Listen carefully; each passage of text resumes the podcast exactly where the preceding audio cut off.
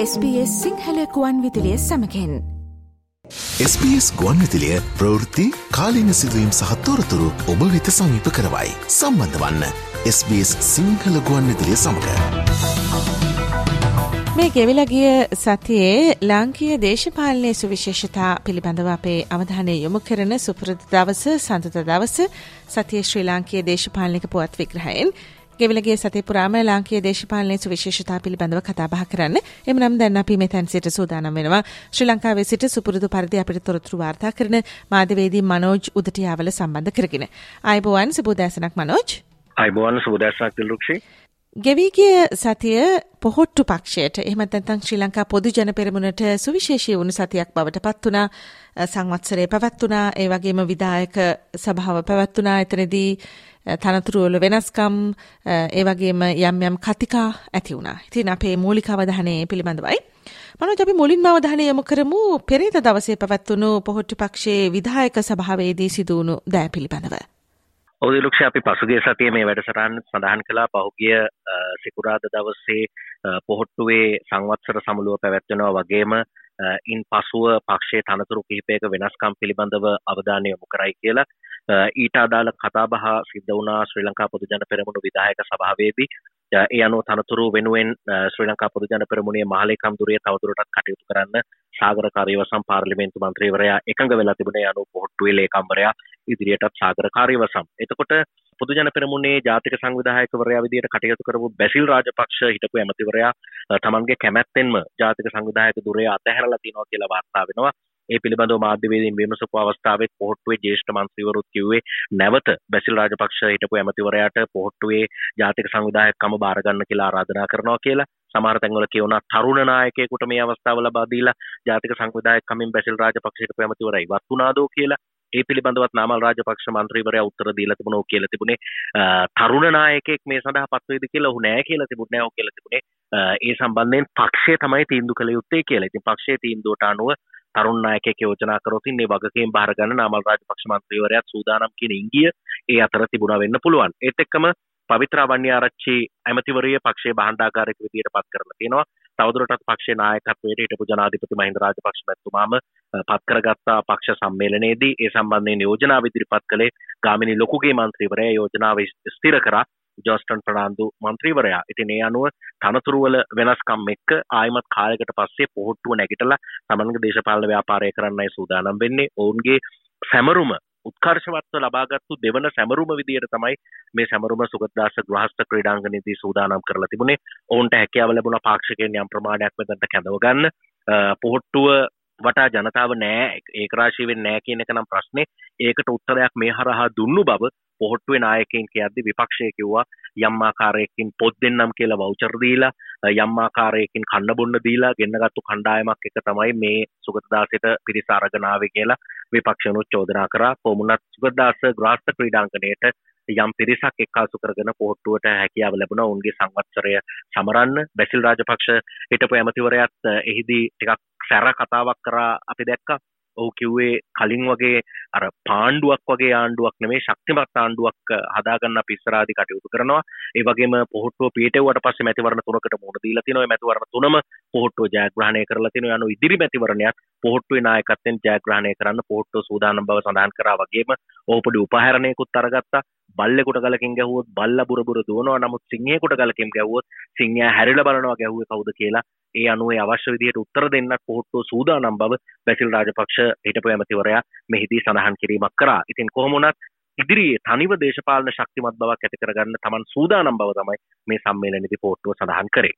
දැන් අර බැසිල් රාජපක්ෂ කියවනේ පාණ්ඩුවක් වගේ ආණ්ඩුවක් හැදුවා කියලා. දැන් ඒ පාණ්ඩුවක් වගේ ආණ්ඩුව හදාගත්තෙත් ඒගොල්ලොම නේ මේ හිටපු ජනාධිපති ගොටාබේ රාජපක්ෂ මූලික කරගෙන. දැන් එතකොට ඒ පිළිබඳව ඔවුන්ගේ යම් අසාර්ථකත්වයට හේතු පිළිබඳව මොන හරි කරුණු දැක්වීමක් එතනදී සිද්ධ වෙලා තිබුණාද බැසිල්ගේ අතෙන්? ඔව එහෙම විශේෂ සඳහන් කිරීමක් එතනදි කරේ නෑ. නමුත් ඔවුන්ගේ සහ ජේෂ්ඨ මන්ත්‍රීවරුන්ගේ අදහසක් තිබුණ ඒ කාලේ තීන්දුව తీරන සම්බන්ධයෙන් ප්‍රශ්නයක්. අපි දැක්ක රෝහිත බේගුණවර්ධන හිටපු ඇමතිවරයාගෙන් මේ පිළිබඳව විමසපු අවස්ථාවේ ඔව් කියලා තිබුණා. ඔව් වැරද්දක් තිබුණා නම් අපි පිළිගන්න එපයි වගේ අදහසක් ඉතින්. ඔව් අර ඔබ කිව්වා වගේ 69 ලක්ෂයක ජනවරමක් එක්ක 150කට වැඩි පුනෙන් දෙකක බහුතරයක් එක්ක පීටුවාගත්තු ආණ්ඩුව පිළිබඳව තමයි ඔවුන් ඒ ආකාරයෙන් කතා කරන්නේ. නමුත් ඉදිරියේදී ඔවුන්ගේ වැරදි හදාගෙන ඔවුන් මතුවෙනවා වගේ අදහසක් තමයි එතනදී හුව අදහස් කරේ.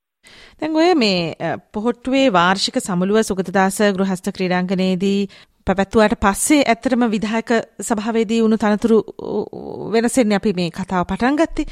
දැන් එතකොට එතනදී මේ ඔබ සඳහන් කිරීමක් කළානේ බැසිල් රාජපක්ෂ සංවිධායකකමෙන් අයින් වුණා කියලා.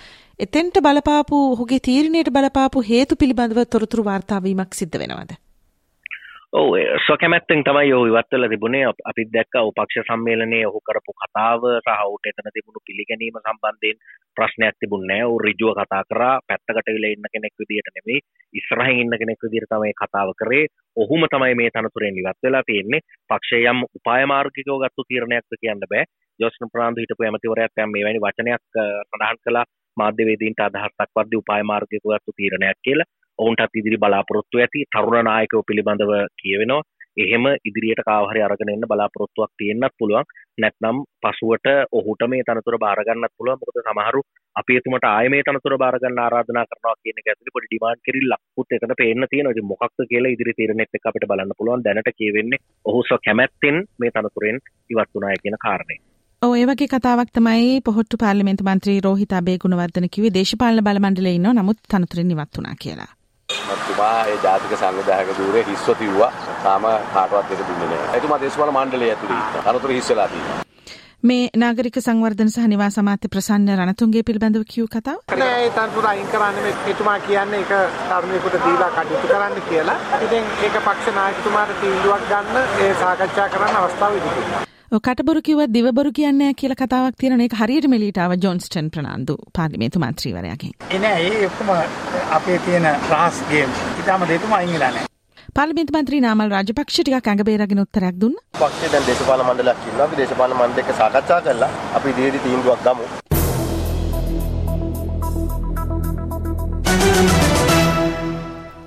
මේ කරුණු කාරණා අතරතුරේදී කලාකරුවෝ ගිහිල්ලා හිටිය හිටපු ජනාධිපති මහින්ද රාජපක්ෂ හමු වෙන්න. ඇයි මේ හදිස්සියේ? මොකක්ද මෙතන සිද්ධ වෙලා තිබුණේ? මේක කාගේ හරි කීමට ගිය ගමනක්ද? නැත්නම් සුව කැමැත්තෙන් ගිය ගමනක්ද?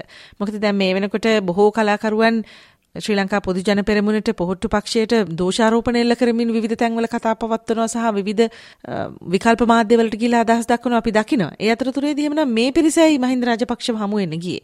එතනත් පොඩි ප්‍රශ්නයක් තියෙනවා හැමෝටම. මොකක්ද ඇත්තට මෙතන වෙලා තිබුණේ? ඔව් දැන් පෞගේ කාලේ ඔබත් කිව්වාගේ කලාකරුවෝ විශාල පිරිසක් මේ දේශපාලන කඳවුරත් එක්ක එකතු වෙලා වැඩ කරමින් හිටියා. නමුත් පහුගිය කාලේ ඈත් වුණා. ඒ හිටිය තරම් පිරිසක් සහ හිටපු තරම් ජේෂ්ඨ පිරිසක් නොවුනත් යම් කලාකරුවන් පිරිසක් එතනට ඇවිල්ලා තිබුණා. මහින්ද රාජපක්ෂ හිටපු ජනාධිපතිවරයාගේ විජේරාම නිල නිවසට මේ කටයුත්ත සංවිධානය කරන්න පොහොට්ටුවේම ජේෂ්ඨ කණ්ඩායමක් කටයුතු කරායි කියලා වාර්තා වෙනවා. කලාකරුවනුත් ඔවුන්ගේ ඉල්ලීම ඉදිරිපත් කරලා තුනනුත් කිව්වේ මැතිවරණ කාලයෙන් පස්සෙත් කලාකරුවන් රැක බලාගන්න මැතිවරණ කාලේ අපිට හොඳට සලකනවා නමුත් ඊට පස්සේ අපි දිහා හැක් කරලා බලන්නේ නැහැ කියන චෝදනාව එල්ල කරලා තිබුණා. මේ ඔවුන් එල්ල කරලා තිබුණා කලාකරුවෝ විදියට. හිටපු ජනාධිපති මහින්ද රාජපක්ෂ මහතාත් ඒදී සඳහන් කරලා තිබුණා ඒ ගැන අවධානය යොමු කරනවා කියලා කොමුණත් මේ කලාකරුවන්ටත් පක්ෂ සම්මේලනට එන්න කියලා ආරාධනා කරලා ඔවුන්ට සමුදීලා තිබුණා. අපි දැක්ක මේ පිළිබඳ සමාජ මාධ්‍යවලත් විවිධ අදහස් දක්වලා ඡායාරූප පළ වෙනවා. කොමනත් යම් කලාකරුවන් පිරිසක් හිටපු ජනාධිපතිතුමා හම්බ වෙන්න ඔහුගේ දට ගිහිල්ලා තිබුණා විජයරාමනිල නිවසට.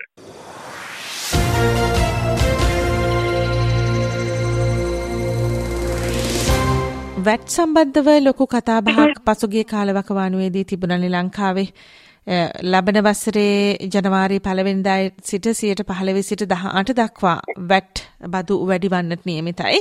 ඒ සම්බන්ධ වන පනත පාර්ලිමේන්තුවට ඉදිරිපත් කළා වාද විවාද කළා එය ආණ්ඩුව විසින් ජයග්‍රහණය කළ වකට දැන් හැමෝම කරුණු දන්නවා. නමුත් මේ වැට් පනත පසුගිය සඳුදා පාර්ලිමේන්තුවේ ඡන්ද විමසීමට ගන්න කලින් ආණ්ඩු පක්ෂ කණ්ඩායමේ රැස්වීමේදී යම් යම් මතවාද සහ අදහස් යෝජනා ඉදිරිපත් වෙලා තිබුණා කියලා තොරතුරු වාර්තා වෙනවා. එතකොට කවුද ආණ්ඩු පක්ෂය පැත්තෙන්ම මේ සම්බන්ධව අදහස් ඉදිරිපත් කරපු අය? ඔවුන් ආණ්ඩුවේ මේ පොදු එකඟතාවයට එකඟ වෙන්න ඕන හින්දා මේකට පක්ෂව ඡන්දෙ දුන්නද? එහෙමත් නැත්නම් මේ සඳහා යම් මතවාද ඇතුලේ ගියාට පස්සේ ඔවුන් අතර යම් මේ එකඟතාවක් ඇති කර ගැනීම උදෙසා මේ සම්බන්ධව තීරණයක් ගන්න සිද්ධ වුණාද කියන කාරණාව පිළිබඳව ලොකු කුකුසක් ඇති වෙනවා. මේ අතුලාන්තයෙන් මේ සම්බන්ධව ලොකු සාකච්ඡාවක් ගියා කියලා තොරතුරු වාර්තා වුණාට පස්සේ. මොකක්ද ඇත්තට මෙතනදී සිද්ධ වෙලා තිබුණේ? ඔවු සාමූක එකඟතාව මත ගත්තු තීන්දුවක් වෙන්න ඕන. මහිතන පොදුවේ වැට් සම්බන්ධයෙන් වැට් වැඩි කරන්න අපි හැමෝම කැමති කියල එකඟ වෙලා අත උත්සන්න පුළුවන්. හැකියාවක් පාර්ලිමේන්තු මන්ත්‍රීවරුන්ට විශේෂෙන් ගමට කිල්ල චන්ද ඉල්ලති චන්දරායකයන් පැත්තිෙන් බැලුවොත් හැකියාවක් ලැබෙන්නේ නෑ. ඒ සම්බන්ධයෙන් සංවාදයකුත් තිබිල තියෙනවා. පහුගේ ඉරිදා වැට් පනත පාර්ලිමේන්තුර දැම්මට පස්සේ ගණපූර්ණය නැති නිසායක සම්ද තමයි සම්මත කරගන්න සිද්ධ වුණේ. ඊට කලින් ආණ්ඩු පක්ෂේ සංවිධායකවරු ආණ්ඩු පක්ෂ මන්ත්‍රීවරුන්ට පුද්ගලිකවම දුරකථනයෙන් කතා කරලා මේ ගැන කතා කරලා රැස්වීම් තියලා සාකච්ඡා කරලා තියෙනවා. මෙතන්ට එක්කාසුණු සරත් වීරසේකර මන්ත්‍රීවරයාත් කියලා තියෙනවා. ජනතාවන්නේ ලොකු පීඩනයක වැට්ගැහුවොත් තවත් ලොකු ප්‍රශ්න ඇති වෙන්න පුළුවන්. එහෙම කියලා ඔහු ඔහුගේ විරෝධය පළ කරලා තියෙනවා. කොමනත් මනුෂනානයක්කාර ඇමතිවරයත් ඇතිනද කියලා තියෙනවා. අපි හංගල ගහන්න නැතුව වැඩ කරමු. මුදල් අමාත්‍යංශය නිලධාරීන් හරියට වැඩ කරන්න කියන චෝදනාව ඔහු කරලා තියෙනවා. මයින්ද අනන්ද අලුත්ගමගේ මන්ත්‍රීවරත්නය අවස්ථාවට එකතු වෙලා කියලා තියෙනවා. මනු සැමත්තුමා කියන කතාව හරි ජනතාවට බදු ගහනවට අපි කැමතිනෑ නමුත් ආණ්ඩුව එක් අපි එකට හිටගන්න ඕනේ. හිද විකල්පනෑ මේක කරන්න වෙනවා කියන යෝජනාහෝ කරලා තියෙනවා. ඉතින් මේ වගේ තත්ත්වයක් ඇතුළේ පනත සම්මත කරගන්න විතරක් තමන් අත උස්සල සහයෝගය දෙනවා කියන අදහස මනුෂනානායක් කර ඇමතිවරයක් කියලා තියෙනවා. IMF කියන විදිහට වැඩබදු වැඩි කරන්න මුදල් අමත්වේශ නිලධහරින් ඉන්න ඕන්නෑ තමන්ගේ රාජකාරය හරියට ඕන් කරන්න ඕනේ. අපි පනත සම්මත කරගන්න විතරක් අත උස්සනවා කියලා මනුෂ්‍යනායකර ඇමතිවරයා කියලා තියෙනවා.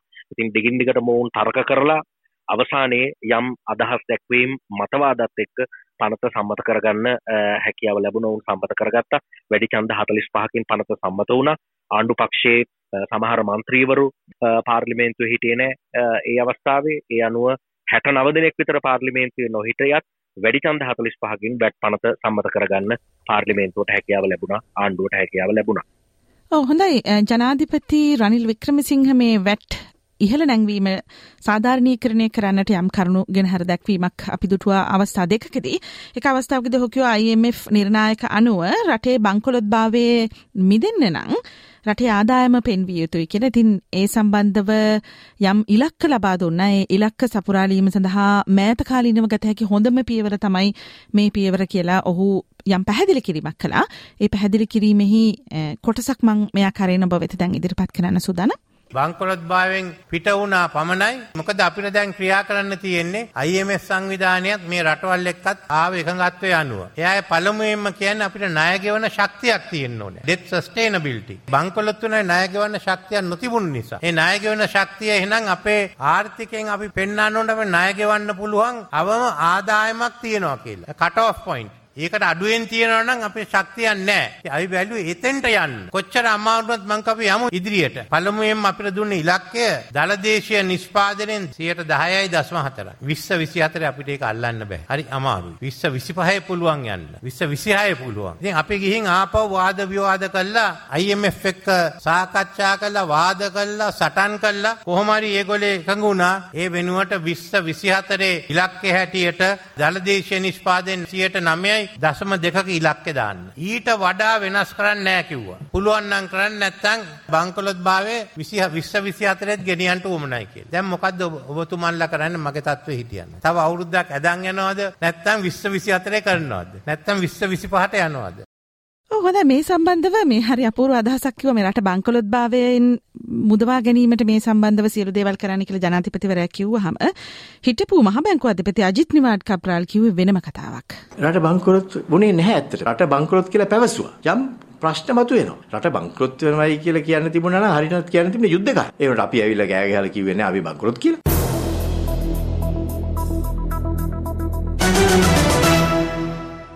හොඳයි අපි හෙමනම් විරාමයකට යනවා විරාමෙන් අනතුරුව සතිය ශ්‍රී ලංකේ දේශපාලනික පුවත් විග්‍රහයේ මීළඟ කොටස සමගින් අපි එකතු වන්නට සූදානම්. SBS ගුවන්විතිලිය ප්‍රවෘත්ති කාලීන සිදුවීම් සහ තොරතුරු ඔබ වෙත සමීප කරවයි. සම්බන්ධ වන්න SBS සිංහල ගුවන්විතිලිය සමඟ. දැන් මේ ලබන වසරේ මොන මැතිවරණයේද මුලින්ම පැවැත්වෙන්න කියලා විවිධ කතාබහ තියෙන අතරතුරේදී අපිත් කලින් සඳහන් කිරීමක් කළා ගිය සතිය වගේ වෙද්දී ජනාධිපතිවරයා ප්‍රසිද්ධියම කිව්වා ඉස්සලාම තියෙන ජනාධිපතිවරණය. ඊට පස්සේ මහමැතිවරණය ඊට පස්සේ තියෙන්නේ පළාත් සභා ඡන්ද කියලා. දැන් මේක निराකරණය වුණානේ. එහෙමනම් දැන් මේ ටික ටික වටින් ගොඩින් විපක්ෂ හදමින් විපක්ෂයේ බලය වැඩි කරමින් හිටපු කණ්ඩායම් වලට මොකද වෙන්නේ එහෙමනම්? මේ සම්බන්ධව යම් ඉංගියක් අපිට ලබා ගන්න පුළුවන් වුණා ඩලස් අලහප්පෙරම ප්‍රමුඛ නිදහස ජනතා සභාවේ පක්ෂයේ පිරිස එකතු වෙලා ඉදිරි මැතිවරණ පිළිබඳව යම් සාකච්ඡාවක් පවත්වලා තියෙනවා. එhmenan ඔවුන් කාත් එක්කද එකතු වන්නට නියමිත ඉදිරි මැතිවරණවලදී එහෙනම් ඔවුන්ගේ සූදානම මොකක්ද කියලත් තොරතුරු මතු කර ගැනීමක් මෙතනදී සිදු කරන්න පුළුවන්. මොනවද මේ සාකච්ඡාවේදී අවධානයට ලක් වෙලා තියෙන කරුණු මනෝජ්? ඔදලුක්ෂි පහුගේ පලාත්පාලන මැතිවරණය එකතු වෙලා වැඩ කරන්න නිදහස ජනතා සන්ධානය විදිහට වැඩ කටයුතු කරත් ඉදිරියේ දේශපාලන කාරණා කොහොමද සිද්ධ කරන්න කියනක සාකච්ඡා කරන්න කමිනිටස් පක්ෂ කාර්යාලයට නිදහස ජනතා සන්ධානය කණ්ඩායම් එකතු වෙලා තියෙනවා. එහිදී විශේෂයෙන්ම මේ සන්ධානය පිහිටුවාගත්තේ පළත්පාලන මැතිවරණයට. එහිදී එකඟ කරගත්තු කාරණා ඉදිරියටත් ගෙන යනවද නැද්ද කියන එක කතා කරන්න එතනදී අවශ්‍යයි කියලා තිලංග සුමතිපාල හිටපු මන්ත්‍රීවරයා අදහස් දක්වලා තියෙනවා. චරිත හේරත් මන්ත්‍රීවරයකද කියලා තියෙනවා. එක එක පක්ෂවලින් යෝජනා අපි ලබාගමු කියලා. එතකොට පාර්ලිමේන්තුවේ ඉන්න හුඟ දෙනෙක් දැන් කර කියාගන්න දෙයක් නැතුව ඉන්නේ. දැන් තමත් පරක්කු වැඩි මිනිස්සු කන්න බොන්න නැතුව දුක් විඳිනවා. අපි එකතු වෙලා පාරට බහිමු කියලා ඩියු ගුණසේකර ශ්‍රී ලංකා කමියුනිස්ට් පක්ෂයේ සභාපතිවරයා ටිකක් ආවේගෙන් අදහස් දක්වලා කරුණු ප්‍රකාශ කරලා තියෙනවා. ඉතින් අපි දැක පහුගිය කාලේ මේ කණ්ඩායම් සන්දානගත වීම සම්බන්ධයෙන් පවා විවිධ එකඟතාවන්ට ඇවිල්ලා තිබුණා විවිධ සාකච්ඡා පවත්වලා තිබුණා. එහි දිගුවක් හැටියට තමයි නිදහස් ජනතා සභාව ඉස්සරහට එන්නේ ජනාධිපතිවරණයක් නම් මේක කටයුතු කරන්න කොහොමද කියන එක සම්බන්ධයෙන් අදහස් දක්වන්න තවත් හමුවක් තියලා තියෙන්නේ. නිදහස් ජනතා සභාව නියෝජනය කරන GL පිරිස් හිටපු ඇමතිවරයාත් කියලා තියෙනවා ඉදිරියේදී සමගි ජන බලවේගයත් එක්ක එකතු වෙලා පුළුල් විපක්ෂ බලවේගයක් ගොඩනගන්න කටයුතු කරනවා කියලා ඉස්සරහට මේ ක්‍රියාත්මක කරන ආර්ථික ප්‍රතිපත්ති ටිකක් භයානක නිසා ඒවට විරුද්ධව ජනතාව ආරක්ෂා කරගන්න තමන් කටයුතු කරනවා කියලා ජීල් පිරිස් පාර්ලිමේන්තු මන්ත්‍රීවරයා සඳහන් කරලා තියෙනවා. ඉතින් මේ අනුව ඉදිරියේ මැතිවරණ මොනවා වුණත් විපක්ෂ සඳහන ගොඩනගන්න කණ්ඩායම් මේකාබද්ධ වෙන්න තියෙන සැලසුමේ එමන්තම සූදානමේ එක අවස්ථාවක් හැටියට මේ අවස්ථාව හඳුන්වන්න පුළුවන්කම තියෙනවා.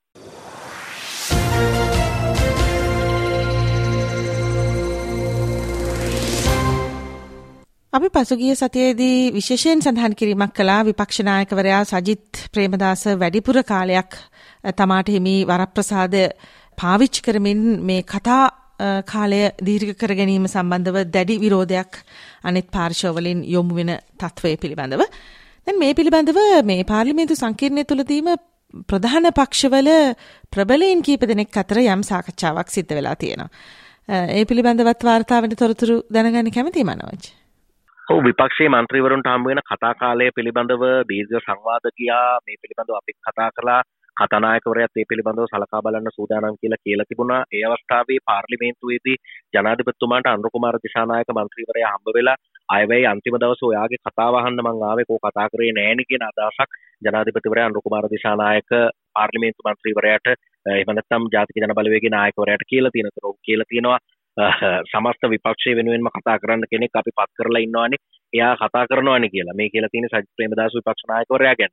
ඒතකොට ජනාධිපතිවරයා කිව්වා කියලා වාර්තා වෙනවා අපි එහෙනම් එයාව උතුරු කොරියාවට යමු මොකද ඒ රටේ කතා කරන්නේ එක්කෙනෙක් විතරයිනේ කියලා කියද්දි මෛත්‍රීපාල සිරිසේන හිටපු ජනාධිපතිවරයාත් එතනින් ගිහිල්ලා ඒ කතාවට එකතු වෙලා තියෙනවා ඇත්තටම තමන්ට කතා කරන්න අවස්ථාවක් නෑ කියලා ඔහුත් මෛත්‍රපාල සිරිසේන හිටපු ජනාධිපතිවරයාත් කියලා තියෙනවා. ඒ අවස්ථාවේ එතන සයිත් ප්‍රේමදාස විපක්ෂ නායකවරයාත් ගිහිල්ලා තියෙනවා. එතකොට ජනාධිපතිවරයා කියලා තියෙනවා අපි විපක්ෂ නායකතුමා ගැන තමයි මේ කතා කරේ කියලා. ඔහු ඒ ප්‍රශ්නට මැදිහත් වෙලා කියලා තියෙන්නේ. ජනතාව වෙනුවෙන් විපක්ෂ නායකවරයාගේ කාර්යභාරය මම ඉටු කරනවා කියාගෙන ඔය අවස්ථාවෙන් ගිහිල්ලා තියෙනවා. ඉතින් මේ මෙතන මේකතුුණු කණ්ඩායමම අපිරට දේශපාලනය නියෝජනය කරන ජේෂ්ටයින් කහිප දෙනෙක් ඔවුන් හැමෝම මේ කතා කාලය සම්බන්ධ ප්‍රශ්නයට දැන් මැදිහත් වෙලා ඉන්න බවක් පේන්න තියෙනවා.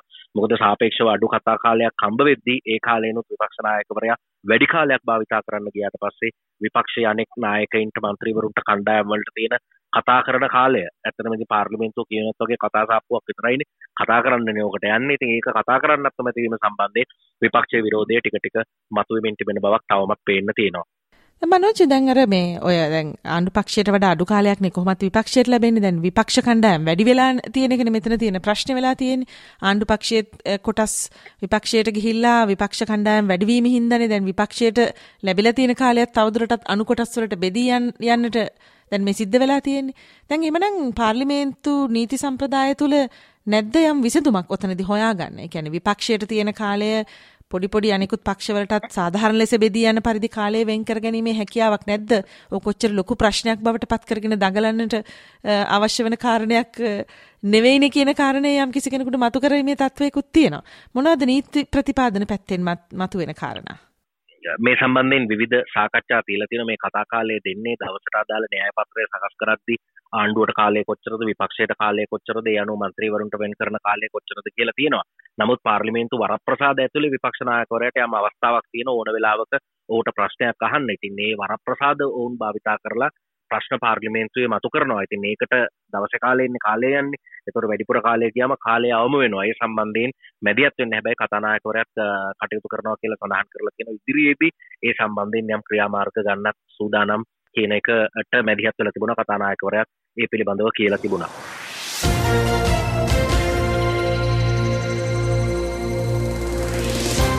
විශේෂ අවධානයක් යොමු කරන්න කැමති නීතිය හා සාමය භාර අමාත්‍යවරයා ටිරන් අලස් පාතාලය සහ මත්කුඩු ව්‍යාපාර මර්ධනය කිරීමේ වැඩපිළිවෙලක් සම්බන්ධව කරපු ප්‍රකාශය පිළිබඳව මොකක් දොහු මේ කරන්නට උත්සාහ කරන්නේ. ඒ සඳහා තියෙන සූදානම සහ ඔහුගේ සැලැස්ම මොකක්ද? ඔදැන් පෙරේද කිව්වා ඊයේම වැඩේට බැහැලා තිබුණා අපි දැක්කා ඊයේ දවසේ උදේ පාන්දරම මේ වෙනුවෙන් මෙහෙයුමකුත් දියත් කරලා තිබුණා. එතන කියවුණා බස්නාහිර දකුණ අපරාධ කොට්ටාසේ නිලධහරීන් විශාල පිරිසක් ඒ කියන්නේ එතන නිලධහරීන් 150කට වැඩි පිරිසක් යුද හමුදා සැබළු 150කට වැඩි පිරිසක් STF එකේ 16ක් විතර එකතු වෙලා කොළොන්නාව ප්‍රදේශයේ සංහිඳ සෙවන කියන මාල් නිවාස සංකීර්ණය කරපු වැටලීමකදී හෙරෝයින් අයිස් ගංජා මේ වගේ දේවල් ළඟ තබාගෙන හිටපු පුද්ගලයන් 42 දෙනෙක් ඊයේ රෑම අත්අඩංගුවට ගන්න හැකියාව ලැබිලා තිනවා. පෙරේද දවසේ මේ පිළිබඳව සෙනසුරාදා දවසේ මහජනාරක්ෂක ඇමතිවරයා සහ වැඩ බලන පොලිස්පතිවරයා අදහස් දැක්වීම කරලා තිබුණා. ලංකාවේ ඉන්නවා පාතාල ක්‍රියාකාරකම් කරන 1091 දෙනෙක්. ඔවුන් එකන ලංකාවේ පලාත් දෙකක් ආශ්‍රිතව තමයි මේ පාතාල ක්‍රියාකාරකම් වැඩිපුර තියෙන්නේ. ඒ බස්නාහිර පලාත් සහ දකුණු පලාත මේ පලාත් දෙක කේන්ද්‍ර කරගෙන විශේෂ මෙහුම් සහ වැටලීම් කරලා මේක මර්ධනය කරන්න කටයුතු කරනවා. ජනවාරි මාසයෙන් පස්සේ අවස්ථාවන් ලබා දෙන්නේ නෑ උන්ට සමහර උදේට මිනිමරලා රෑට ඩුබායි යනවා. වෙනස් ව්‍යාජ පාස්පොට්ටලින් ගියත් මූණෙන් අඳුරගන්න පුළුවන් විදියට තාක්ෂණික ක්‍රමවේද භාවිතා කරනවා කියන එකත් විශේභාර අමාත්‍යවරයා විදිහට ඔහුට සතියක වැනි කාලයක් ඇතුළත ලොකු ප්‍රගතියක් අවශ්‍යයි කියන එක වගේම වැඩබලන පොලිස්පතිවරයා විදිහට දේශබන්දු තෙන්නකෝන් වැඩබලන පොලිස්පතිවරයා තමන්ගේ පෞද්ගලික දුරකථන අංකයට හරි කතා කරලා ඒ පිළිබඳව දැනුවත් කරන්න මේවා මර්ධනය කරන්න කටයුතු කරනවා කියන දේ සඳහන් කළා. ඒ අනුව ඊයේ ඉඳලම මේ කාර්යයට මුල පුරලා තියෙනවා පාතාල ක්‍රියාකාරකම් සහ මද්‍රව්‍ය ජාවාරම යම් විදිහකට මර්ධනය කරන්න මේක දෙවෙනි යුද්ධයක් කියන වචනෙත් පාවිච්චි කරලා තිබුණා. එතරම් බැරෑරුම්ව මේකට පය ගහන්න සූදානමක් තියෙන බව තමයි පේන්න තියෙන්නේ. ඊට අදාළව ඊයේ දවසේම මෙහෙයුම් සිද්ධ කරලා යම් පිරිසක් අඩංගුවට අරගෙන තිබුණා. ඔව් මහජන ආරක්ෂාව සම්බන්ධ අමාත්‍ය ටිරාන් අලස්නම් කියන්නේ අරගලය තමයි මේ හැම එකකටම මුල කියලා. අරගල කාලය නිසා තමයි අද අපි මුණ දෙන ගොඩක් ප්‍රශ්න තියෙන්නේ. පොලිස් නිලධාරීන් ඒ දවස්සල අරගලකරුවෝ එක්ක ගැටි ගැටි ඒ ප්‍රශ්නය විසඳ විසඳ හිටිය. පොලිසියට වෙලාවක් තිබුන්නෑ කුඩු මද්‍රව්‍යද පාතාලයද වෙන ක්‍රයිම්ස් දිහ බලන්ඩ වෙලාවත් තිබුණෑ මොකෝ පැය විසි හතරෙම කෙරුවේ අරදේ. ඒ අවුරුද්දේ අවුරුදු එකහමාරි කාල තුළ උනේ මද්‍රව්‍ය වැඩියුණා පාතාල ක්‍රියාකාරකම් වැඩියුණා ඔබ සියලු දෙනට මතක ඇති ඒ දවස්සල පොලිස් නිලධාරීන්ට සලකපු විදිහ. ඉති මම ඒ වෙලාවේ සියලුම පොලිස් නිදර නිලධාරීන්ට කිව්වේ යුනිෆෝර්ම් එක ඇඳගෙන ඉන්නකොට කාටවත් යටත් වෙන්ඩ ඕන්නෑ ගහන්ඩාවොත් ගහන්ඩ. එහෙම තමයි අපි ඒ වෙලාවේ ඒ වැඩ කටයුතු පටන් ගත්තේ. රහසක් නෙමෙයි හිටපු පොලිස්තපත්තුමා යනකොට හැමතැනම මාධ්‍යය ගියා මම තමයි මේ දේශබන්ධු දෙන්නකොන්න පොලිස්පති කරන්න හදන්නේ කියලා. ඔවු ඒක මං කෙරුවා. ඒමකෝ ඕනිකම තිබ්බේ. අපි කොළඹ ප්‍රශ්නය විසඳුව වගේ දැන් රටේම තියෙන අනිත් ප්‍රශ්න විසඳන්ඩ. ස්තුතියි මනෝජ් මේ ගෙවලගේ සතියේ ලාංකීය දේශපාලනයේ සුවිශේෂතා පිළිබඳව තොරතුරු හෙළිදරව් කරන්න අපිත් එක්ක සම්බන්ධ වීම පිළිබඳව අපි එහෙමනම් හෙට ඔබ බලාපොරොත්තු වෙන මව්බිමින් පුවත් විශේෂාංගයෙන්. අයිබෝවන්. අයිබෝන් දිල්ලුක්ෂ බොහොම ස්තුතියි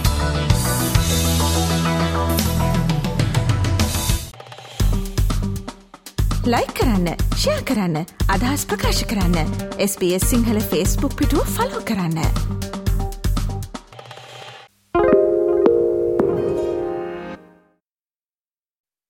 Why do people want to be at work?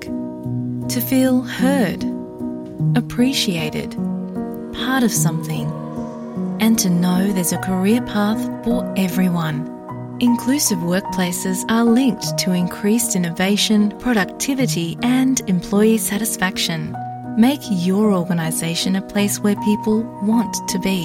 For inclusion and diversity training, visit inclusion-program.com.au.